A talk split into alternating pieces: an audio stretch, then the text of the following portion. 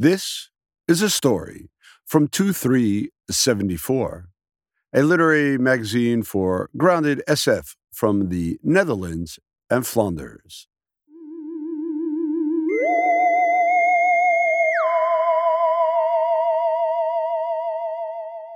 Cuisson, a story by Jos de Vriezere, translated by Susanne Hokensveld Janssen. The near future. A group of people prefers fire over the tyranny of an, in their eyes, unjust regime that has left people with their hands tied. Drawing the shortest straw decides who, amongst them, is granted the shortest life. A dystopic horror story about self sacrifice.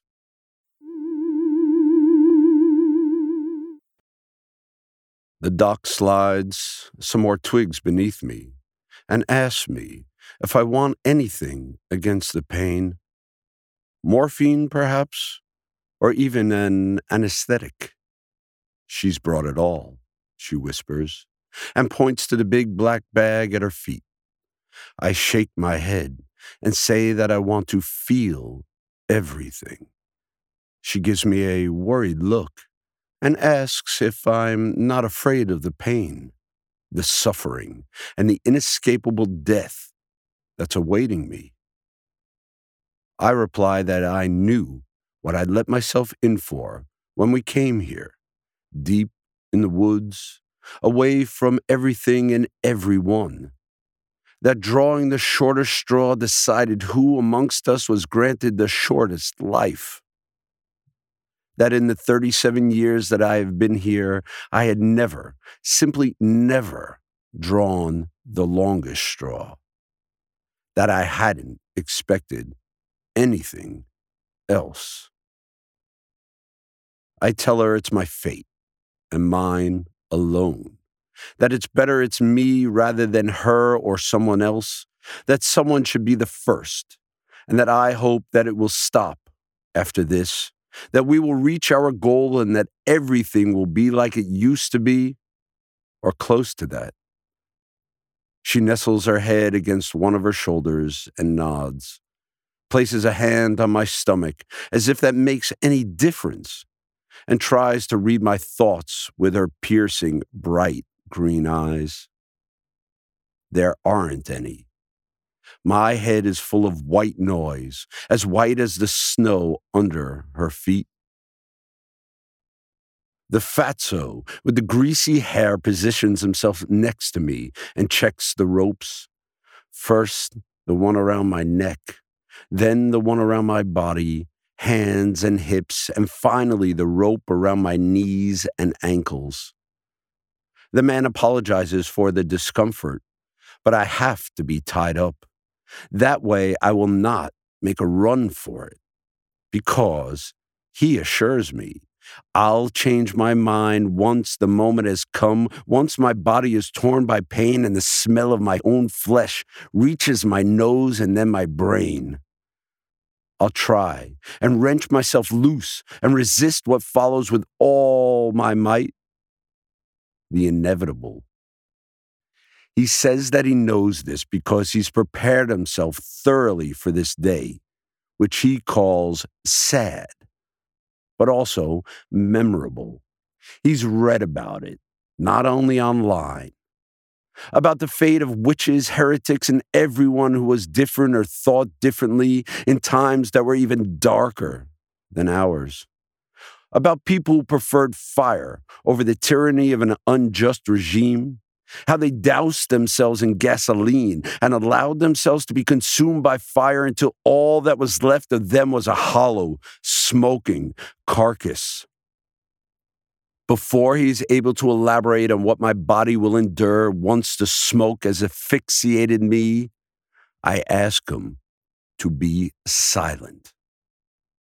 He growls, incensed because his knowledge acquired with difficulty, is not being assessed at its true value. He turns around and slouches sulkily back to the chalet, leaving deep footprints behind in the snow. I don't like him. The man who came up with the idea for this direct action, but considers himself too important to sacrifice himself for the common good. The coward who, a mere hour ago, granted himself exemption, held the straws in his hand as I and the others lay ourselves open to fate, but did not take one himself. This corpulent man about whom some in our group say, with a voice breaking with admiration, that he used to be a top chef, a master of cuisson. I feel the doc releasing my hand. The creaking of the flakes beneath her rubber boots gives away that she is moving away from me a few paces. Someone asks if I can look towards him while he's filming. He immediately adds that he will record everything during and after the ceremony as well. I open my eyes and look at him. He's small and gaunt and is wearing a gray woolen hat, the rim pulled down to his eyebrows. I recognize him. It's the man who sat next to me in the rickety coach which brought us here. 16 people with an extremely uncertain future. Unlike most of the others who merely stared ahead during the hours long journey between the capital and this immense spruce forest, he continued to rattle on. He wasn't sure, he said. He supported the goal that we had in mind, but didn't want to be the one who would give his life for it. He was no martyr and didn't feel the need to become one. More than anything, he seemed afraid, but didn't want to say so explicitly, not even when I asked him. His fear seems to have disappeared now that the drawing of lots has gone against me. He hovers around me, his smartphone 20 centimeters away from my face, and films everything frenetically close ups of my face, of my numb fingers, long shots of my shivering body on a bed of twigs. I ask him if this is really necessary. He nods and says that his footage is of crucial importance, that it will serve as evidence of our disapproval, of our unwillingness to acquiesce to the policy. He raises his voice declaims that the images will be shown during news bulletins, shared and given brief comments on social media, and discussed in detail in opinion pieces and panel discussions on radio and TV. Sociologists, psychologists, and other self proclaimed experts will analyze our motives and dismiss us as a marginal phenomenon in a well functioning society taking all the trouble they can not to utter the word deranged.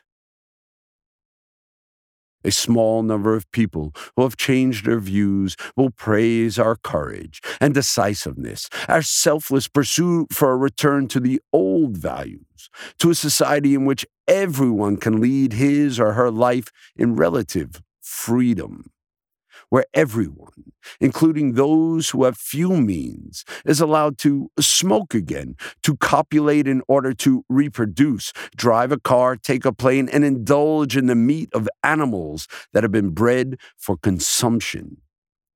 Especially the latter the man with the hat says, because of all the pointless laws and measures that should bring us to a longer, better life and protect us against total annihilation.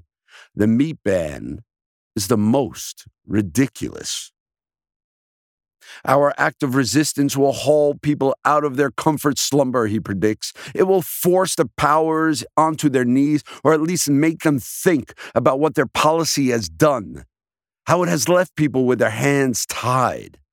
That he thinks it's a shame I won't live to see this happening. But he adds with a deadpan expression that there has to be one person who has to eliminate him or herself for the well being of all.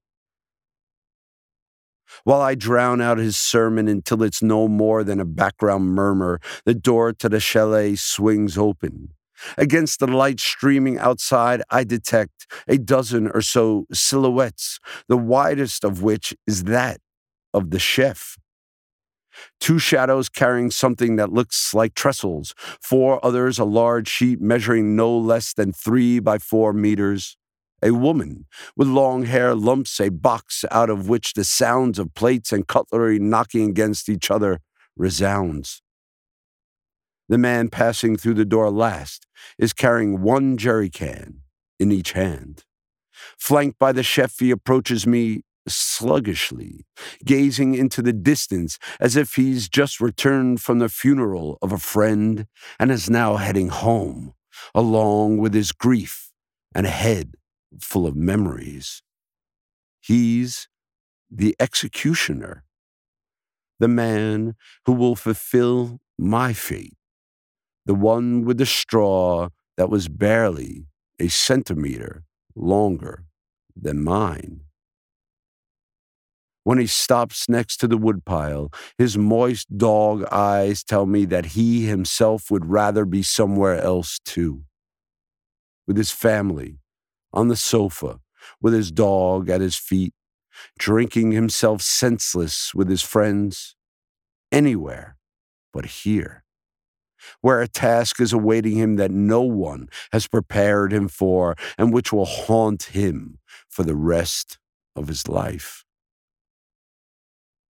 I give him a wink, if only to calm him, and ask myself if he will also eat me, sink his teeth into a part of my charred body, and if so, which part will he choose? As he pours the gasoline in quick but generous splashes over the twigs and then over my entire body, I imagine him tearing off the meat from my calves, smacking his lips loudly, and in between each bite, wiping the blood from the corners of his mouth with a napkin. The thought of such an end should make me shudder. But it doesn't. This is how it's supposed to end. It's the chef who, after a brief, meaningless speech in which he thanked me repeatedly for my courage and generous offer, strikes a match and throws it under the pile of twigs. While some other people drape a cloth over the table in the distance and lay this as it should be, the man with the smartphone twirls around me. He films the reactions from the chef the bystanders, me as the living roast. I do not move. The only question I keep asking myself is Will I be raw, medium, or well done? I don't know what sensation I become aware of first.